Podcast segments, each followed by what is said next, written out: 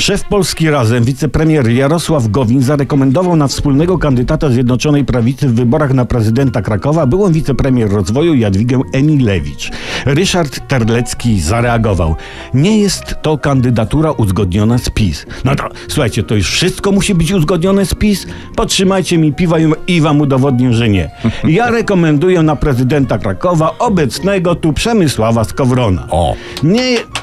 Dziękuję. O, nie, no. nie, jest, nie jest to może kandydatura uzgodniona z PiS, ale jest to kandydatura solidna, mająca swoje umocowanie w otaczającej nas rzeczywistości, osadzona mocno w codziennym metabolizmie, dynamicznie gwarantująca pewne rzeczy i nieskomplikowane podejście do wielu problemów, choćby parkowania w mieście. Jest miejsce, Przemysław parkuje, nie ma miejsca, parkuje gdzie indziej.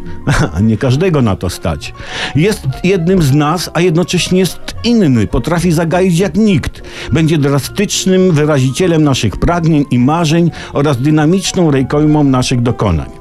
Należy też zwrócić uwagę, co jest chyba czynnikiem moim zdaniem decydującym, że, że zastępcą Przemysława Skowrona, wiceprezydentem, będzie jego wujek moralny, detonator czy tam donator elementów jego psychiki, mentor, wzór do naśladowania, wierny towarzysz dziecięcych zabaw na krakowskim Kazimierzu po zmroku, pan Tomasz Olbratowski.